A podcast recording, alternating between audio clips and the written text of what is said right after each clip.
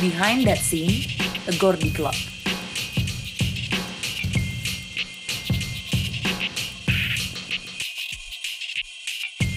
Halo teman-teman, selamat datang di Behind That Scene, sebuah acara bincang-bincang tentang musik yang bisa kalian dengarkan di agordiclub.com.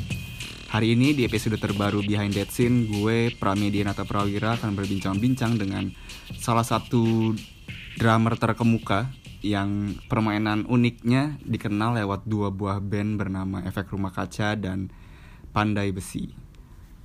Akbar Bagus Sudipyo, selamat datang di Behind That Scene, apa kabar? Alhamdulillah baik Pram. Terima Akbar- kasih. Akbar ini baru pulang dari tour Amerika pertama efek rumah kaca ya. Ya. Sebelum kita membicarakan itu nih Bar, Hmm. gue mau mengajak lu flashback nih ke perkenalan lu dengan drum. Lu masih ingat gak sih pertama lu main drum itu di mana dan kapan? Kalau pertama itu yang kenalin gue adalah sahabat gue sendiri namanya Andika. Sekarang dia di Amerika juga di New York. Hmm. Eh, waktu itu SD. Hmm. Jadi gue sering-sering nginep di rumah dia. Terus SD kelas 6 lah ya. Terus tiba-tiba dia ngomong nih, eh eh, itu Sabtu, minggunya ada ada ini nih, ada mau kedatangan alat musik. Hmm. Nah, dia nggak ngomong tuh apa gitu udah kita nungguin ruangannya di mana? Itu dekat garasi udah. Terus nggak lama besok pa- paginya karena nginep kan paginya tiba-tiba siangnya datang lah si mobil box dengan ternyata dia setting drum. Hmm. drum turun. Terus ini drum kan? Ya terus gue nggak pernah lihat nih teman gue si Andika ini sahabat gue ini main drum. Tapi tiba-tiba dia duduk di drum udah di set di drum terus dia dia, dia main. Waktu itu yang dia mainin adalah aduh ini gue ketahuan ketahuan umur ini. Ya udah lah ya lagunya Milli Vanilli. Dan itu itu menurut gue rumit banget karena bu- karena drumnya kan eh, apa disco gitu kan funk. Duk dedak duk des tak des duk dedak duk des tak des tuh des tak des. Suara hi hatnya bisa kebuka dua kali gitu. Gue ah itu gimana caranya? Tapi dia bisa mainin. Emang emang mainnya rough sih. Cuman cuman kalimatnya tuh seperti itu keluar gitu. Gue denger wah dan gue berdua tuh suka lagu itu zaman itu Milli Vanilli. Milli Vanilli yang itu lagi bohongan lagi ternyata itu ya dia. Aduh gila deh kasihan tuh si Milli Vanilli. Ya udah lah, akhirnya ya udah dari situ itu itu itu ketemu ketemu drum pertama kali. Terus gue nyobain nggak bisa. Di drum set yang sama. di drum yang sama gue cobain nggak bisa. Dan ah kayak nggak ada nggak nggak nggak nggak nggak seru nggak tertarik juga gue biasa aja udah SD tuh kan. Hmm. SMP gue udah SMP nah cuma gue sering, sering gue dengerin musik mulu kan dengerin musik terus. Dari yang rock dari yang pop dengerin dan gue se- selalu sering berhayal jadi seluruh pemain ya Hmm. jadi gue gua ada di kamar om gue kalau habis pulang sekolah gue nyetel apa duren duren dulu misalnya. Hmm. udah gue jadi Simon Lebon atau enggak gue jadi Rick- apa Rick- apa eh, pemain keyboardnya lah siapanya drummernya gue suka gitu. Pasti dengan sapu gue lah standar gitu. Udah terus berjalannya waktu SMP SMP SMA nah dari SMP tuh gue sering sering banget nonton TV terus gue duduk di bangku bangkunya bangku kayu zaman dulu gitu Hmm. di rumah dia ada ada kayak handle buat buat tangannya lah gitu Hmm. buat naruh tangan nah itu itu nggak tahu kenapa ini kayaknya jadi hat nih terus gue megang megang stick eh, ini apa sumpit gitu ya sumpit Ah. terus gue suka mukulin si sumpitnya itu ke dia kan di, di kiri gue Hmm. di kiri eh, tangan gue kan Hand- si handle handle kayunya. Udah pukulin di situ. Terus gue kayak kayak ada keinginan ini harusnya harus konstan nih kayaknya. Hmm. jadi gue pukulan pertama mungkin one two three four one two three four one two three four one two three four. Gue gue gue bunyi sendiri aja tangan kanan gue tuh tek tek tek tek tek. Terus kirinya yang di duanya di ketukan kedua tuh. Tuh tak tuh tak tuh tak tuh tak. Nah dari situ tiba-tiba kok kok enak ya? Kok kok gue bisa jaga si si ritmenya gitu? Tapi gue nggak tahu itu ritme atau apa. Dah terus setiap ada musik di TV sambil nonton gue ikut-ikut.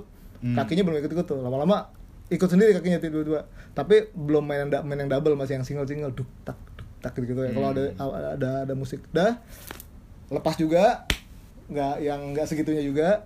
Nah SMA Oh, Oke. jadi gue nggak pernah ketemu drum lagi tuh. Nggak nggak pernah eh, ketemu drum SD terus main supit supitan dengan drum ini gue drum yang Drum drum, hayalan. drum hayalan gitu. Cuman pakai bangku doang.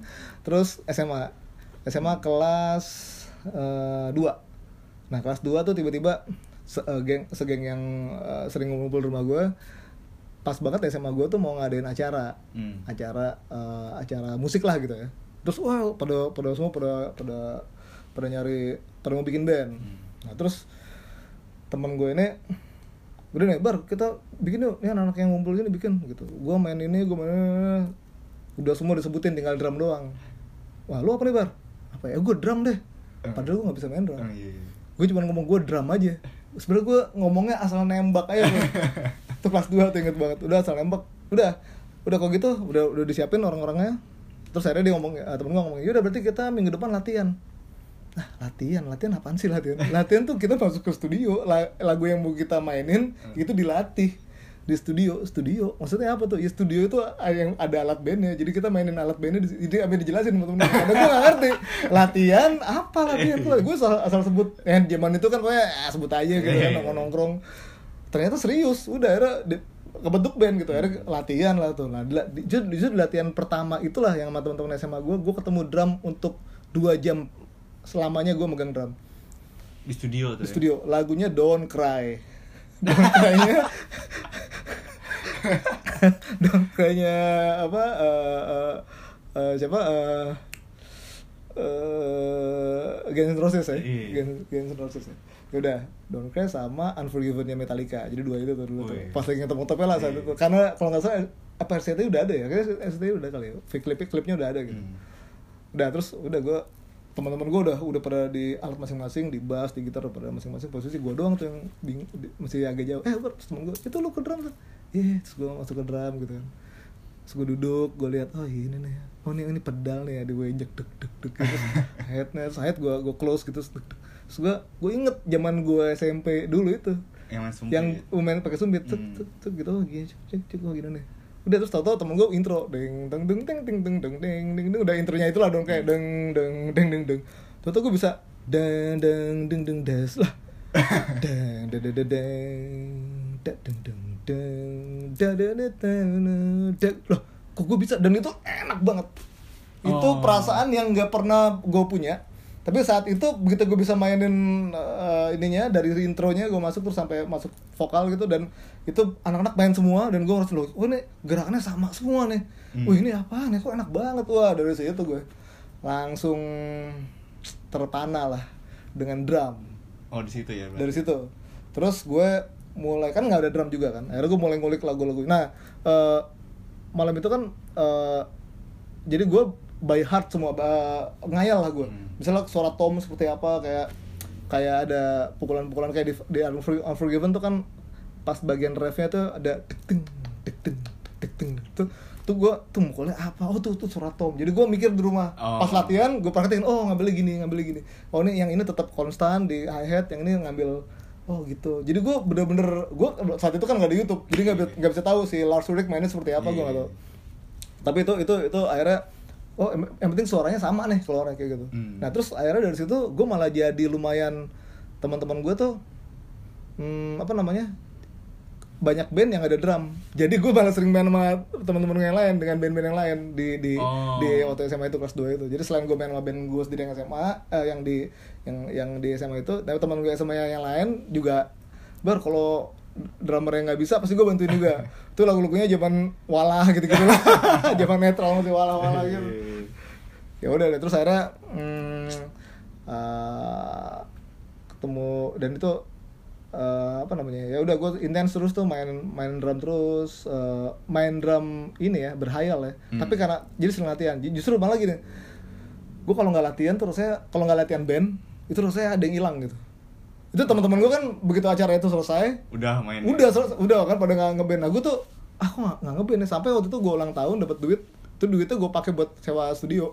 Tiga jam. Kan biasanya nyewa studio cuma sejam dua jam. Ini tiga jam tuh prosesnya gimana gitu. Hmm. jadi gue teleponin semua eh kita la- latihan aja ah nggak ada duit baru udah mama gue gue traktir. Gue ulang tahun. Nah karena gue ulang tahun jadi pada gue mau latihan kita tiga jam. Tiga jam tuh kayak bangga banget. Udah tiga jam tuh kayak- karena biasanya cuma sejam Iya. atau dua jam gitu Puas Ya, dari tiga Wah tuh puas deh. Akhirnya, mulai banyak banyak main lagu-lagu lain deh. Terus apa namanya? Gue sering-sering nonton band zamannya Once. Gue nonton Once masih masih di PL. Terus Hmm. eh, itu awal-awal dia punya dia sama band Brawijaya band kalau nggak salah. Itu keren banget bandnya. Nonton dia nonton di Manes sama bandnya juga eh, band Red Hot Chili Pepper zaman dulu tuh. Aduh. tuh nikmat banget deh dan itu makin dan ngeliat ngeliat drummer-drummernya bagus-bagus semua jadi makin ini deh. Makin terpacu untuk untuk ketemu drum terus gitu. Hmm. Sebenarnya kan lu karakter permainan drum lu banyak orang yang bilang kalau lebih groovy terus hitungannya janggal gitu ya. Eh, sebenarnya siapa sih bar yang mengasah kemampuan lu hingga lu bisa jadi karakter drummer yang seperti itu?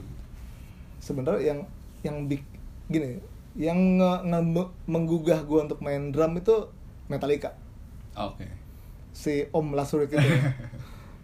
Eh, ju- dia tuh juga aneh-aneh pukulannya kan. Hmm. walaupun dia ya dia dia dia dia seperti itu mainnya speed metal gitu ya. Tapi dia aneh-aneh juga. Eh, eh, yang paling yang paling kerasa kalau dia tuh dia tuh sering gue paling paling amazed tuh sama album And Justice for All. Karena Oh. dia mainnya tight banget gitu. Dia dia dan musiknya tuh tight banget. Kok bisa drum sama gitar sama kok semua drum tuh kok bisa bareng terus sama sama si sama si ritmenya sama sama Hmm. gitar sama bass kok bisa bareng-bareng gini gitu. Kok bisa dan per partnya beda-beda gitu. Cuman saat itu nggak bisa gue nggak bisa ngajarin apa-apa itu cuman gue nikma- nikmatin dan ini kok begini-begini terus gitu apa eh, eh, tightnya itu yang gue yang gue ngerasain rapet kayak gini. Padahal sebenarnya banyak band juga yang udah kayak gitu juga zaman saat itu cuman gue tahu cuma Metallica doang. Udah tapi karena itu itu yang bikin gue miss. Terus eh bokap gue tuh almarhum sering banget masangin banyak lagu lah. Nah SD dulu gue eh, sering banget bokap gue kalau ngumpul zaman orang zaman dulu tuh kan kalau ngumpul selain main gaple masang musik keras-keras. Nah saat itu tuh eranya masih 80-an kan yang dipasang. Nah dia tuh sering, seneng- sering banget masangin lagu tuh Tanya Maria Hmm. yang Come With Me. Mungkin saat itu om-om saat itu mah pasti pasang itu juga lah. Pasti itu. Cuman dia sering banget masang itu. Come With Me Now gitu. Itu kan musiknya fusion gitu ya. Hmm. fusion tapi Latin Brazilian gitu. Nah itu itu lumayan lumayan ada di kepala gue terus Nyantol Dan- ya? nyantol karena dia ada ada ruffle-nya yang yang empat bar eh dua bar panjang gitu tapi mau masuk ke ke ke, eh, ke bagian yang berikutnya tuh ini banget apa lumayan bikin bikin apa ya eh, keinget gitu. Hmm. dan unik gitu dan gue kalau dengerin tuh pasti senang pas bagian itu bagian Oh. ruffle di dua bar dua bar ruffle itu terus saat itu juga kan bagus-bagus menurut gue saat musiknya dan pemain-pemainnya kayak Phil Collins kan udah pasti dia eh, apa Genesisnya terus album solonya dia juga dia masih kadang-kadang dia juga main drum juga kan masih ma- masih oke banget feeling feelingnya dia tuh eh, kerasa gitu. Kalau zaman dulu tuh kayak porsi porsi semua pemain tuh bisa dilihat dan bisa didengerin dan dikasih dikasih tempat gitu ya. Jadi mereka mereka bisa bisa mengeksplor gitu masing-masing. Nah justru pas era-era ya gue main jadi gini eh gue melalui jadi gue begitu gue senang drum gue main banyak banyak musik tapi awalnya gue rock dulu. Hmm. rock dulu terus eh ikut festival gitu-gitu standar lah. Ikut festival segala macam main-mainin Van Halen lah main gitu-gitu segala macam eh terus gue mulai ngerambah eh nah, dulu gue senengnya gini. Gue seneng banget main drum ya. Jadi ke mana-mana gue bawa stick. Terus gue gue yakin gitu kalau stick gue nih ini gue pasti ter ini berguna nih. Tahu-tahu ntar gue main sama siapa main tahu-tahu tahu-tahu gue bisa main drum di mana aja nih. Gue nggak tahu kenapa gue punya feeling itu. Eh bener. Jadi pas zamannya kampus tahu-tahu temen temen gue eh, gue bikin band juga di kampus temen gue ada yang ngajakin bar ikut gue yuk ke Bekasi. Zaman dulu tuh Bekasi ngapain? Gitu. Bekasi jauh banget. Ada studio eh, ada ada studio temen gue eh, apa eh, booking studio cuman gak ada drama wah ini studionya dia yang bayar. Iya berarti gratis gue main drum. Iya wah mau gue berangkat. Karena karena cuma gratis main drum doang gue berangkat. Ya tuh tuh gila deh. Udah- gitu tuh itu agak dramatik. Hmm. mau pergi ke Bekasi itu dulu eh, di terminal kan. Jadi gue minta dijemput segala macem. Karena gue takut soalnya. Kan saat itu kayak jangan-jangan banyak penjahat lah zaman itu. Rumornya Bekasi gak kayak sekarang ya. Sekarang udah udah damai kali ya kalau dulu tuh parah deh. Akhirnya dipakai sampai dijemput segala di sana akhirnya main. Ada nah justru dari sana itu dari teman-teman gue yang di Bekasi itu malah gue tiba-tiba jadi eh, eh, apa namanya banyak lagu yang gue tahu gitu. Yang padahal gue nggak nggak pernah gue kulik gitu. Hmm. tapi karena dari dulu gue sering dengerin lagu terus tiba-tiba si band ini band 40 gitu terus dia nyodorin di, ada sekitar 100 lagu lah lo tau gak lagu ini nggak ada yang tahu gue 100 itu Gua, ini judulnya apaan gitu tapi begitu dia bawain teng teng teng teng teng teng teng teng teng teng teng oh gue pernah denger nih air supply nih gitu iya ini banyak gue bisa lah bisa terus lagu berikutnya apa gitu gue bisa loh kok bisa gue bisa gue juga bingung loh kok gue bisa terus ternyata itu itu yang pernah gue dengerin dari dulu dulu itu ada beberapa yang nyantol di kepala lah dan Oh. nyantol itu lumayan banyak Hmm. ya hampir hampir hampir di atas 40 50-an gitu jadi mereka wah akhirnya pada saat pada saat itu di di, di grup itu udah ada drummer sebenarnya. Akhirnya diganti. Gila. Parah tuh parah tuh. Digantinya saat itu juga dia dia rap- dia bar soalnya lu boleh keluar gua mau, kita mau meeting dulu ya. Oh yaudah gua keluar dia dia meeting toto dipanggil ya bar lu besok main, sama kita. Drummernya gak lama datang gitu gitu gitu Lah terus? Terus gue nggak tahu nggak apa terus besokannya "Ya udah udah udah gue udah ganti aja. Segala macam tapi itu tapi itu pengalaman yang nggak bisa gue lupain karena lewat lewat sana lah gue akhirnya banyak belajar eh, banyak lagu ya. Hmm. nah saat itu belum tahu teknik. Jadi gini itu itu itu gue akhirnya ngafe segala macam main-main di kafe segala macam gitu, gitu sampai titik di mana gue jatuh. Jatuh tuh maksudnya karena gue dari dari SMA SMA gue nggak pernah tahu teknik belajarnya by heart gitu by heart apa by yang gue denger dengerin aja. Tiba-tiba itu ternyata kayak habis gitu amunisinya. Hmm. jadi permainan gue menurun gitu. Permainan menurun terus teman-teman gue ngerasain ber lu mainnya berubah nih apa nih? Wah apa ya? Gue juga bingung. Dan gue nggak bisa gue nggak bisa menjelaskan. Hmm. perasaan gue main biasa-biasa aja kok anak ini aja enak-enak aja. Tapi ternyata ternyata itu itu itu menurut mereka ya gitulah. Ini lo berubah nih dari dulu nih ada apa nih? Hmm. dan gue nggak bisa jelasin. Wah tuh saat itu gue bingung nih ngapain nih? Gimana ya? Wah ini mesti belajar mesti cari orang lah gitu akhirnya. nah udah akhirnya gue dari situ cari mulai cari guru. Bukan orang harusnya les drum gitu ya. Ini gue nyal- malah nyari nyari guru aja. Siapa yang main drumnya bagus ya? Gue samperin ini semua lah. Dulu ada Inang Nur Said gue datengin terus Gilang Ramadan juga lihat segala macem. Ya mereka, mereka emang wah wah tuh oke deh. Secara teknik cuman gue emang nggak ngerti wah nih mainnya apa nih gila nih? Mainnya udah, udah gimana nih ya? Kayak apa ya?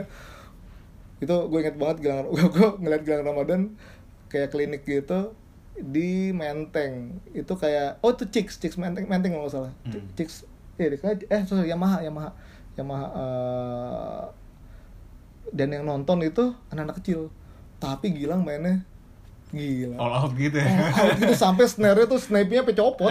Bilang, karena gue depan dia gila nih yang nonton itu kan anak-anak SMP, SD, itu dia mainnya gila. Gue bilang dia, dia kenapa ini? Tapi emang jago, gila jago banget orang gila jago banget. Gue pengen apa nggak ngerti, pokoknya semua yang dipukul, semua tuh dipukul yang bener-bener kenceng, sekenceng-kenceng ya, wah gila nih. Tapi nggak tahu kenapa gue kok ya ini jago cuman nggak nggak pas nih terus tiba-tiba waktu itu zamannya James Hmm. Nah, zamannya James, James masih ada eh, masih ada di terakhir tuh di dekat Semanggi ya ininya ya eh, tempatnya tuh. Nah, waktu itu waktu itu gue nonton band lah. Ada namanya Hydro Band. Nah, Hydro Band ini drummernya tuh namanya Rudy Subekti. Hmm. Nah, nggak tahu kenapa pas gue nonton band itu, loh kok ini nyangkut banget nih. Si bandnya sama si permainan drumnya si band ini gitu. Hmm. Gua gua oh jadi gua selama dua eh, tiga jam eh dua jam penampilan mereka tuh wah gila nih asik banget terus gua ngomong sama teman gue kita ini waktu itu hari Rabu dia main tiap Rabu kita tiap Rabu ke sini ya nonton dia sip sip waduh kalau gue juga iya asik nih asik Ya, gila nih mesti belajar nih gua sama dia gitu Hmm. baru ngomong gitu nih ini si bandnya cerita lagu terakhir nih lagu terakhir lagu terakhir terus vokalisnya bilang oke this is the last song for for tonight and for for this month jadi mereka udah tiga bulan di sana dan itu udah habis kontraknya Pas gila, gila parah gua. Lah, gua pengen nonton, pengen belajar, dia udah habis malam itu juga. Yang pas gua nonton. Iya. Jadi gua hilang tuh, orang itu hilang. Orang itu hilang, panjang, ketemu lagi du- dua tahun kemudian. Eh, dua tahun kemudian ketemu lagi. Nggak tahu kenapa, ya nggak tahu sama Tuhan ditemuin kali ya. Hmm. Dah ditemuin, dia main bareng sama jadi dia tuh drummernya Abadi Susman band lah. Dan waktu, Oh. waktu itu Abadi Susman main di suatu tempat, eh main di di cafe di mana gue main juga. Jadi gue jadi pembukanya. Hmm. Wah itu sepanjang itu gue liat dia main segala macam. Akhirnya gue belajar lah sama dia. Hmm. Lu tahu rumahnya di mana? Di mana? Di radio dalam. Nah, deket. deket banget radio dalam. Rumahnya seberang rumah gue tahu. Aduh gila parah. Udah gue belajar sama dia. Nah pas belajar sama dia tuh dia banyak kenalin. Ya kan dulu gue juga sting, gue, gue suka sting segala macam kan. Nah dia ternyata si orang ini si Om Rudi ini nggak tahu kenapa dia punya punya style yang menurut gue cocok sama gue gitu. Hmm. eh, yang dia suka gue gue gue juga gue juga agree gue juga setuju yang dia suka ya udah dia dia mulai ngenalin eh, eh, apa Vinny Hol- Holita terus ngenalin Steve Gadd segala macam terus gue mulai ngoprek-ngoprek kaset-kaset dia jadinya kaset kan kaset lengkap banget dan semua pemain pemain tuh dan pilihan dia tuh kasetnya bagus-bagus gitu. Hmm. dan rata-rata drumming drummingnya tuh oke gitu. Nah udah gue jadi sering sering ngobrol sama dia lah. Dan akhirnya gue jadi rodisnya dia. Oh gitu. Eh, jadi gue belajar belajar sama si Om Rudi ini gue bilang om gue bela mau belajar dong. Ya udah datang ke rumah. Udah gue datang ke rumahnya mana drumnya gitu. Ntar ya om ambil drumnya. Oh iya dong. Waktu dia keluar bawa bantal sama stick. Drumnya mana om? Ini drumnya bantal sama stick. Waduh itu gue inget banget awal-awal. Hmm. Bilang yang penting yang penting semangat. Jadi nomor satu semangat yang yang kamu punya harus semangat. Jangan ngejar yang lain-lain semangatnya dulu lah gitu dulu oh yaudah om terus udah gue mulai ngikutin dia lah ngikutin si Om Budi belajar apa ini ya karena style stylenya dia gue gue suka cara bermainnya suka. Nah mungkin eh, sama eh, pengetahuan band eh, drummer-drummer yang dia kasih tau ke gue gue juga gue juga suka gitu gue juga demen cara mainnya. Cuman emang uh, gue nggak nggak mengkondisi eh, gini gue nggak mendirect itu untuk untuk seperti yang gue denger itu. Maksudnya kayak Vini gue suka Vini gitu. Jadi gini intinya gue suka kenakalannya hampir every drummer akhirnya gue suka. Jadi menurut gue semua pemain drum tuh punya punya sisi seksinya sisi nakalnya. Hmm. Nah itu yang gue suka dan mm, mm, dan akhirnya mungkin kalau lu tanya apa yang yang membuat gue kayak gitu sebenarnya apa ya?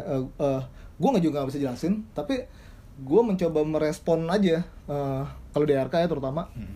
musiknya DRK. Jadi karena anak-anak DRK juga Holil dan Adrian semua juga membebas membebaskan. eh, eh, lu mau ngisi gimana, stylenya mau kayak gimana. Jadi gue ketemu Adri, eh, ketemu Holil dan Adrian terus gue setelah melalui cerita gue tadi tuh ketemu Om Rudy segala macem gitu-gitu. Eh, tahun 2000-an, gua eh, 2001 gue ketemu mereka.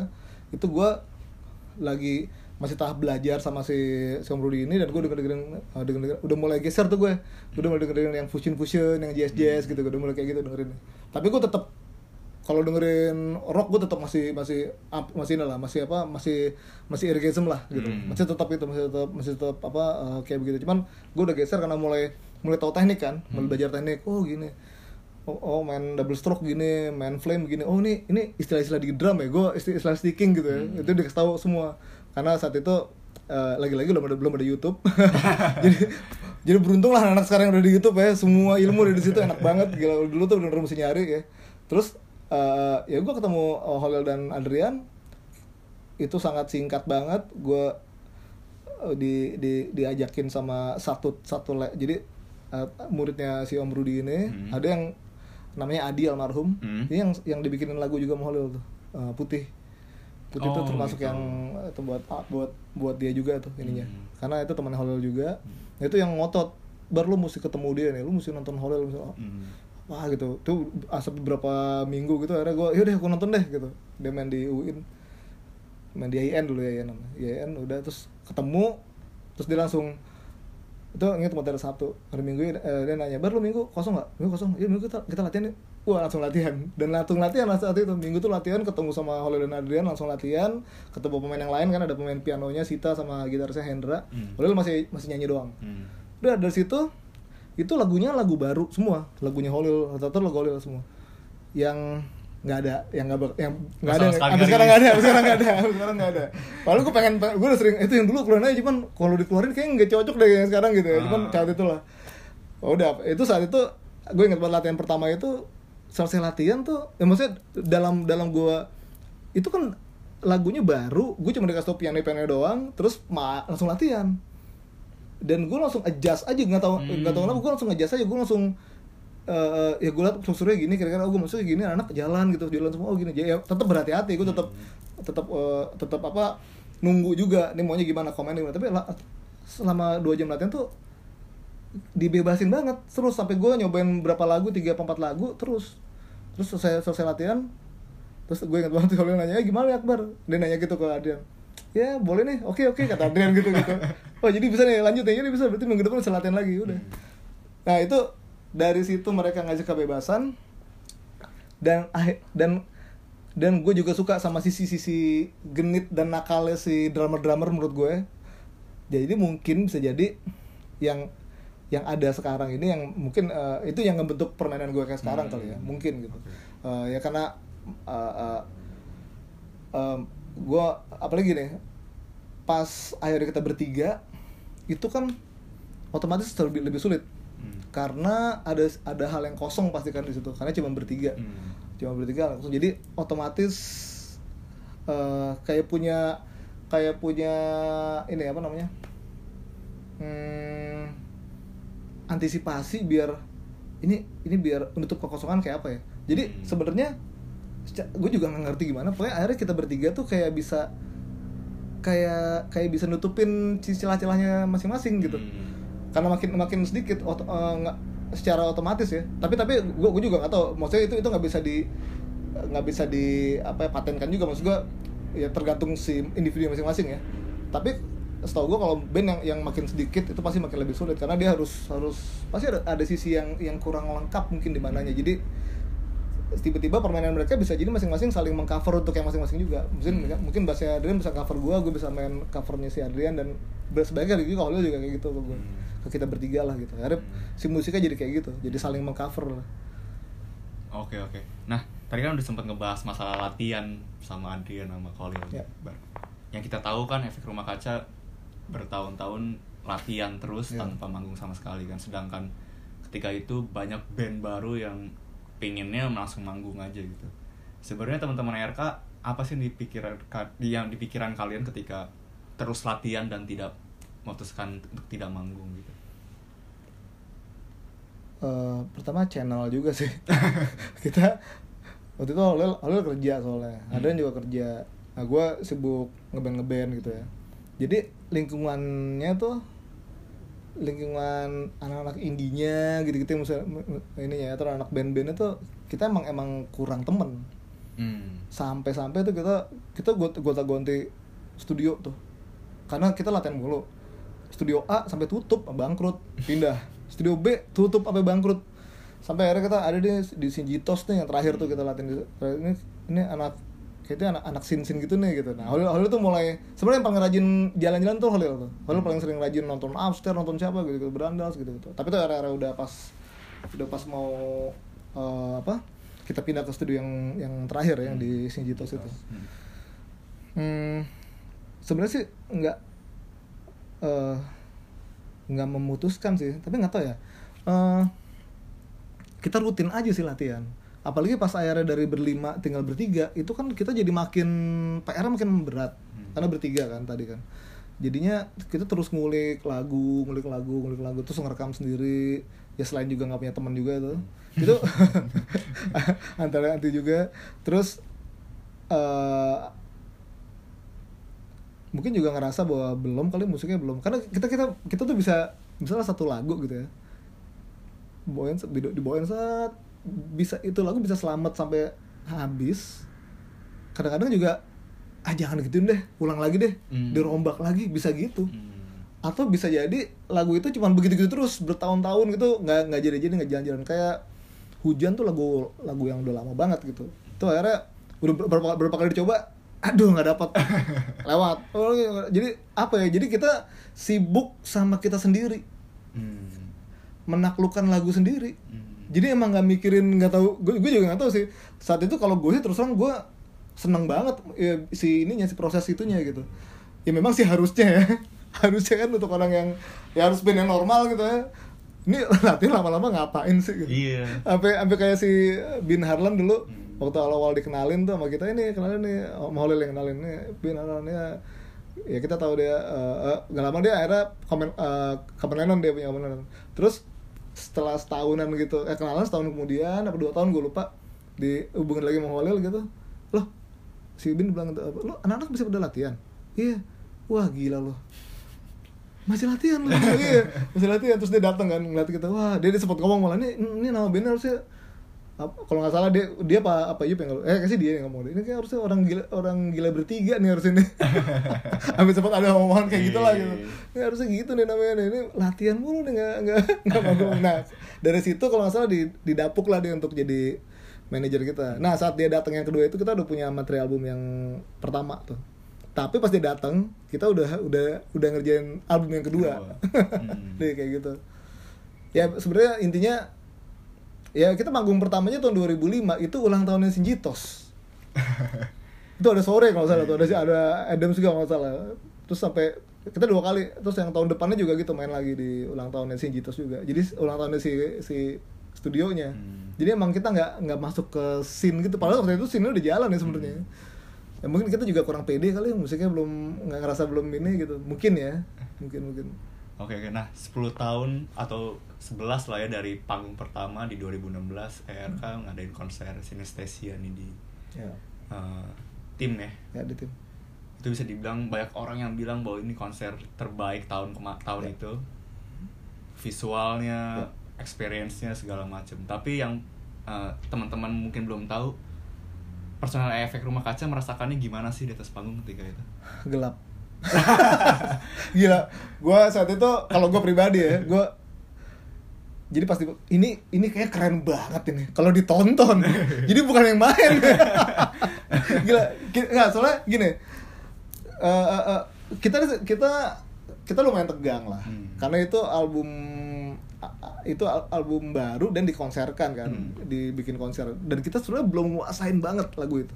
Hmm. si lagu-lagunya. Karena semua kan dibuat kalau dulu proses album satu dua tuh by latihan terus gitu. Ada ke, kebentuk albumnya.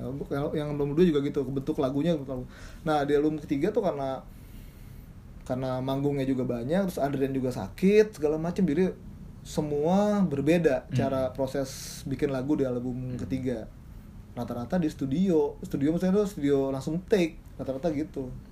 Nih ada ini ininya nih ba- bagiannya kayak gini drumnya kayak gini dan bisa dirubah lagi rubah segala macam. Makanya makan waktu sampai lima tahunan gitu kan baru baru selesai lah gitu si uh, si albumnya. Nyicil nyicil dikit dikit jadi emang prosesnya uh, lompat-lompat. Nah Hmm. jadi pas pas saat during lat- mau menghadapi konser itu tegangnya semua. Itu kita sampai main latihan terakhir itu mesti salah-salah gitu. Kayak gue pernah aduh gue mesti salah-salah. Jadi tuh se- kalau dibilang lu tadi pertanyaan apa eh, apa rasanya? Tegang banget gue sebenarnya gue rasa bukan cuma gue semua sih. Anak-anak. Jadi begitu lagu eh, eh, lagu kuning selesai itu baru rasanya plong ya. plong banget. Karena wah gila nih ini. Akhirnya kita berhasil bawain lagu ini ke konser. Hmm. nah justru pas gue lihat selesai konser lihat orang pada ngalap di YouTube aduh bagus banget ya.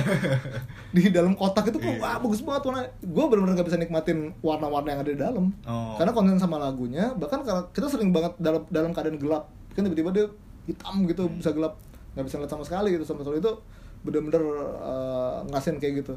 Tapi kalau gue ngintip-ngintip orang gitu orangnya pada ngeliatin ke panggung gitu pada terpana gitu kan. Nah terus pas lihat di YouTube-nya besok besok orang pada ngupload wah gila jelas aja nih ini yang ngerjain emang emang luar biasa sih. Hmm. Uh, lighting segala macem. Oke oke.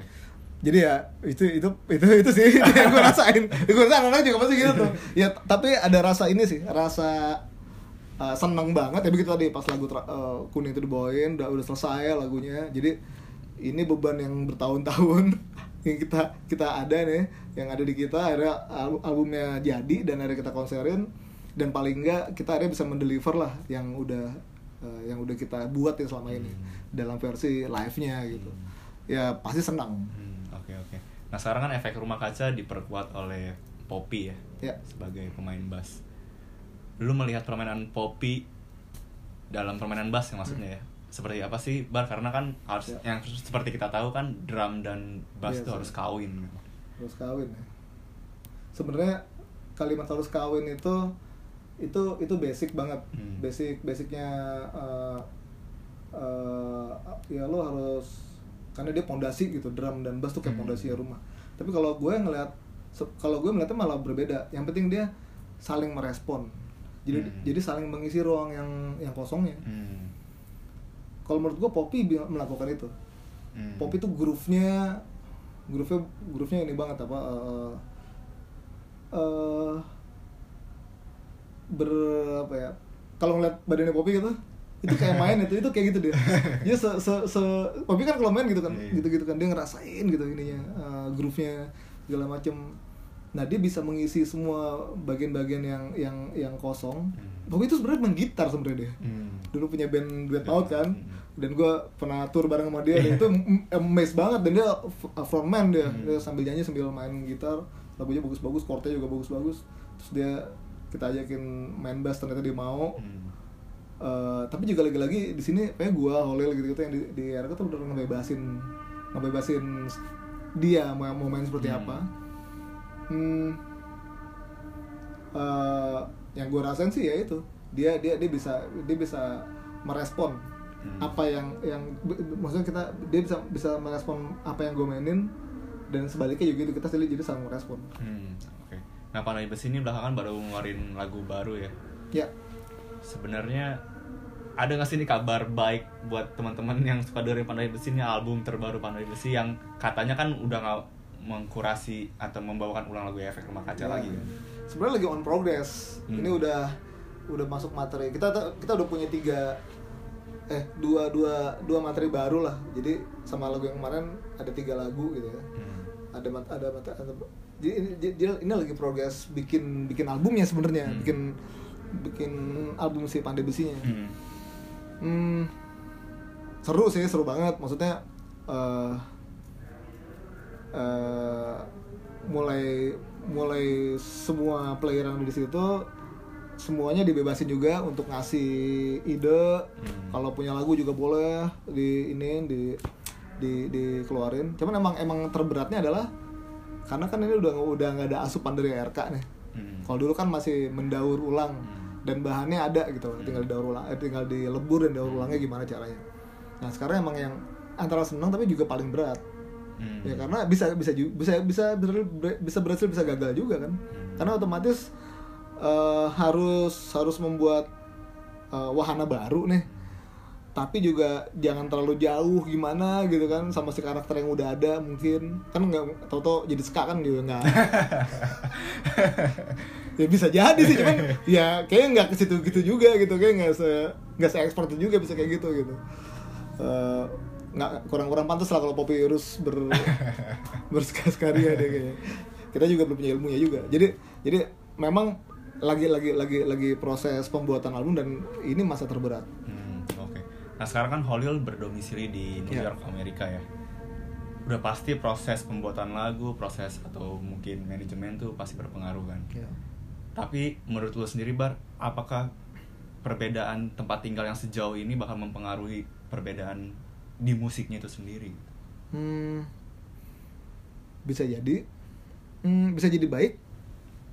Menurut gua malah bisa jadi baik menurut gua, karena eh bisa jadi kan suasana suasana dia di sana dengan kita di sini malah bisa membuat mungkin kalau kalau menurut gua kayak Holland mungkin malah jadi bisa jadi punya inspirasi lagi yang gimana. Karena di sana dia banyak banget eh, apa ya ber ini lah, bertebaran lah. Eh dia mau nonton siapa konser siapa segala macam mau yang gratis mau yang ini. Dan ternyata di sana bagus-bagus deh yang yang yang ngetopnya bagus gitu. Yang disapu aja bagus gitu kan. ya mudah-mudahan itu itu bisa bisa ngasih ngasih apa ya tambahan masukan lagi buat kita. Memang eh, jarak memang jadi agak kendala sih.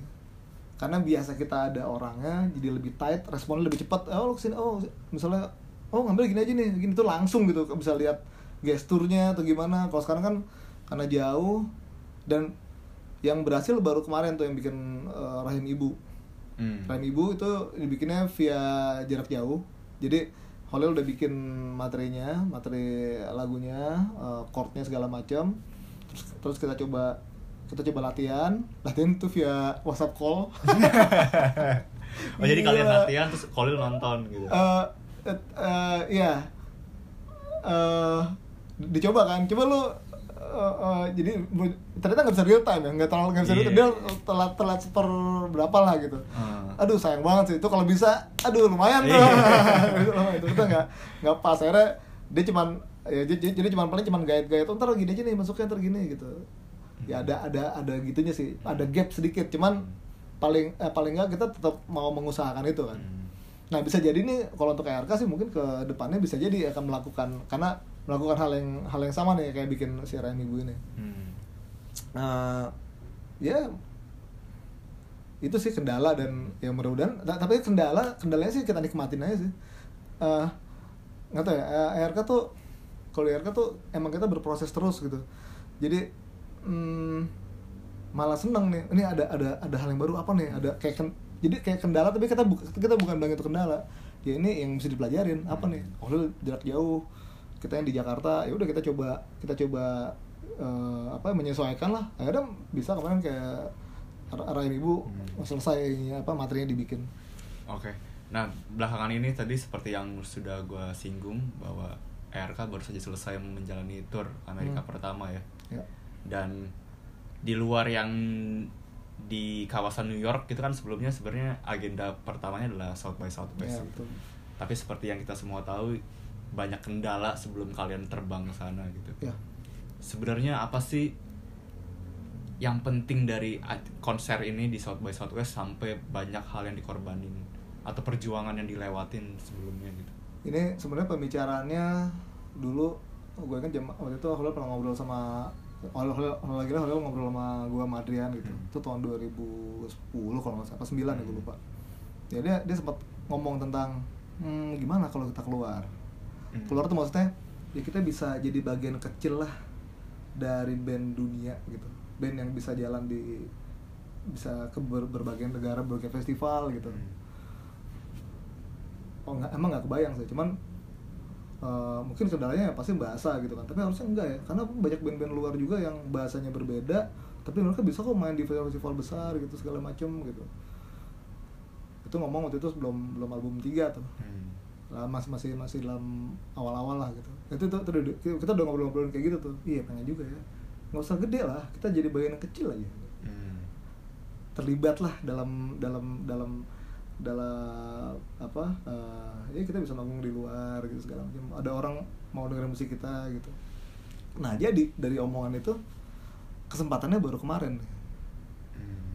South by Southwest mengkurasi band band Indonesia yang ternyata kita yang yang yang alhamdulillah ya kita terpilih juga lah dari dari antara yang lain gitu ya. Ada ada Kimokal segala ada Terence Rabbit juga harusnya main juga.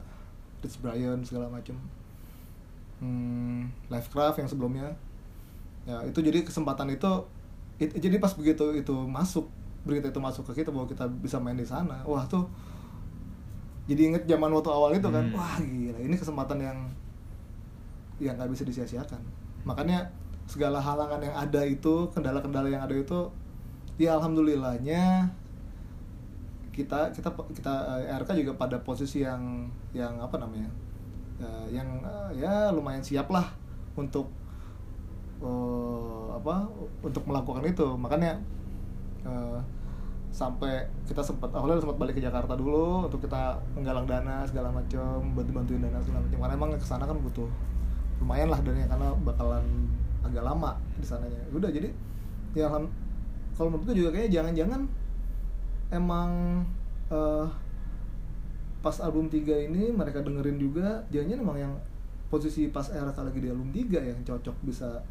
bisa akhirnya mereka mau mau mau mengundang kita gitu maksudnya Hmm. mungkin kalau kita masih di album 1 dan 2 bisa jadi biar bisa jadi berbeda ya mungkin pas karena kita sudah berproses sampai ke punya album 3 jadi mereka mungkin dengerin semua kan ini Hmm. albumnya segala macem dan mereka merasa cocok eh, si si pihak South by Southwestnya akhirnya mereka mau mau mengundang kita jadi emang kita benar-benar wah ini nggak bisa disia-siain mesti Hmm. berangkat Hmm. makanya se- semua kendala di di inilah dilawan semua Di sana di Amerika tuh total hampir tiga minggu ya. Udah tiga minggu ya ada nggak sih pelajaran yang paling berharga yang di- didapat oleh teman-teman RK selama tour di sana, Bar?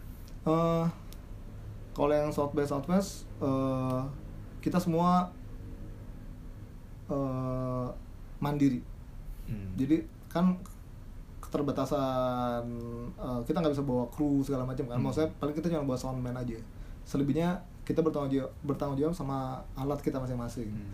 udah gitu di di sana di South by Southwest sendiri eh alatnya gantian Hmm. jadi eh yang dipakai RK itu yang dipa- eh, alat yang dipakai eh, band penampil terakhir jadi Oke. band penampil terakhir tuh dia jadi band-band yang pertama dipakai untuk tiga eh, empat, empat band yang pertama dipakai eh, itu adalah punyanya band yang nomor satu itu Hmm. dipakai sama empat band yang pertama tuh nah habis itu gantian sama band yang terakhir jadi setting ulang. Oh. semua di take out dulu tuh setting itu setting drum. Dan itu semua dihitung waktunya. Dan itu ketat banget. Makanya kita cuma punya waktu eh, ki- kita agak ada kendala di di pas per- persiapan karena pergantian drum segala macam segala macam itu udah jadi. Ternyata masih ada kendala di di keyboard itu yang makan waktu agak lama. Akhirnya tadi kita mau bawain kita dapat waktu 40 menitan gitu. 40 menitan ternyata kita cuma bisa bawain tiga lagu. Karena di lagu kita bawain pertama kan bawain merah terus kedua bawain biru. Itu kan ini ya hype-nya lagi bagus lagi tinggi tingginya sampai penonton yang nonton tuh alhamdulillah boleh-boleh yang yang nggak ngerti bahasa kita dia bilang eh kita boleh turun ke depan panggung nggak? Boleh ke dekat kalian? Oh ya udah boleh. Terus mereka turun mereka siap buat lagu berikutnya. Wah itu lagu kedua mau lagu ketiga atau stage manajernya dari dari Easter Follies tempat kita main bilang "Eh, you guys have just 10 minutes dia bilang cuma tinggal punya 10 menit. Wah 10 menit apaan nih? Lagu apaan nih? Wah putih nih putih. Putih? Wah ini penonton udah rapat semua. Putih kan pelan lagu putih. Ya udah dipaksa ya udah dibawain. Udah itu bule-bule juga kayak robot-robot gitu dia ji. Jadi slow motion tetap udah tanggung deh udah ke depan. Dipikirin bakal eh, apa ngangkat lagi lagu berikutnya. Ya lagu berikutnya santai. Gitu ngambang nih langsung posisi ngambang gitu. Aduh kasihan juga sih. Ya sorry ya bule-bule ya. Sorry nih. Aduh. Ya maksudnya jadi eh, eh, mereka mereka sama sama schedule tuh ketat banget ya di sana. Terus eh, jadi kita benar-benar belajar ini banget belajar ya tadi mandiri itu. Terus eh, agak shock juga sih pas datang kita nggak sempet cek sound. Nggak bisa cek sound. Kita datang tepat waktu tapi ternyata si band yang mau yang kita pinjam alat-alatnya ini beberapa yang bakal ditukar dipinjam sama kita ini mereka telat. Oh, mereka yang telat. mereka yang telat. Jadi mereka saya sorry gini gini ya udah kita yang namanya di dan jadi bayangin udah gak ada check sound dan itu langsung main. Hmm. dan langsung main itu alat itu langsung di set di situ lagi pergantian apa pergantian alat di tempat. Jadi ya semuanya emang harus ready banget. Alhamdulillahnya sih hitungannya sih lancar lah. Walaupun kita hari cuma main tiga lagu ya. Tapi hitungannya lancar lah. Eh, sepanjang la- sepanjang jalan tuh ya sepanjang lagu itu berjalan aman. Terus eh, apa ya mereka tuh dipikirin banget ya si ruangannya sound systemnya gitu ya. Itu keluarnya bisa enak. Hmm. itu yang bingung juga nih mereka nih. Ini banget ya eh, kalau kata soundman kita sih mereka tuh na- naro sound sound systemnya nggak nggak nanggung. Kalau emang dia banyak ya banyak butuhnya emang emang emang speakernya di mana-mana gitu emang dan itu semua kepake. Makanya keluarnya hasil soundnya ya luar ya bagus sih gitu ya bagus. Jadi kita puas juga. Kalau yang di New Yorknya gimana tuh? Nah kalau New York tuh beda lagi.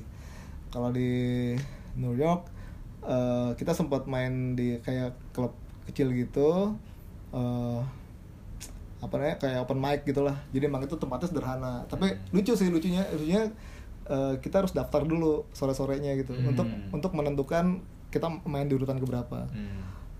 Kayaknya dari semua penampil yang ada yang paling banyak kita yang lain cuman sebelum kita tuh ada yang baca puisi, terus ada yang apa, main gitar, Hmm. eh, cowok gitu mainnya lagu-lagu gitu.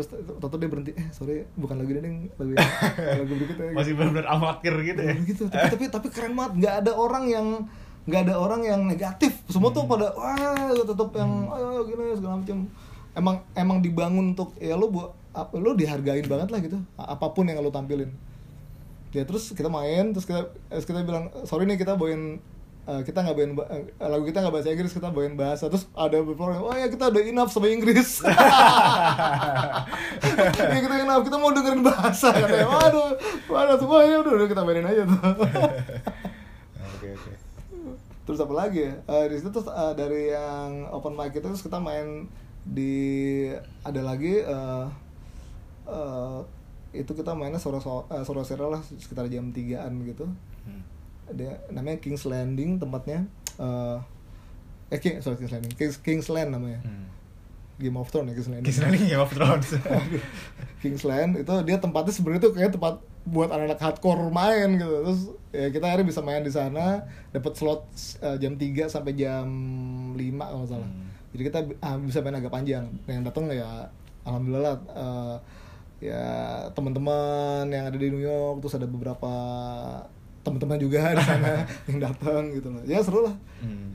terus terakhir di Konjen Hmm. di Konjen di Konjen itu kalau nggak salah kita diundang buat acara hmm, ada uh, pelepasan apa sih gubernur B- BI nggak salah ya dia pulang ke Jakarta terus yang ditukar lah yang Jakarta ke sana di New York Oh. nah kita dis disisipin lah main main terakhir Hmm. dan itu itu juga lumayan berkesan karena Hmm, Konjen itu kan bentuknya ruang ini gedungnya ini ya gedungnya gedung gedungnya pemerintahan kayak gedung-gedung lama gitu ya bagus gitu tempatnya kayak istana gitu istana kecil lah gitu.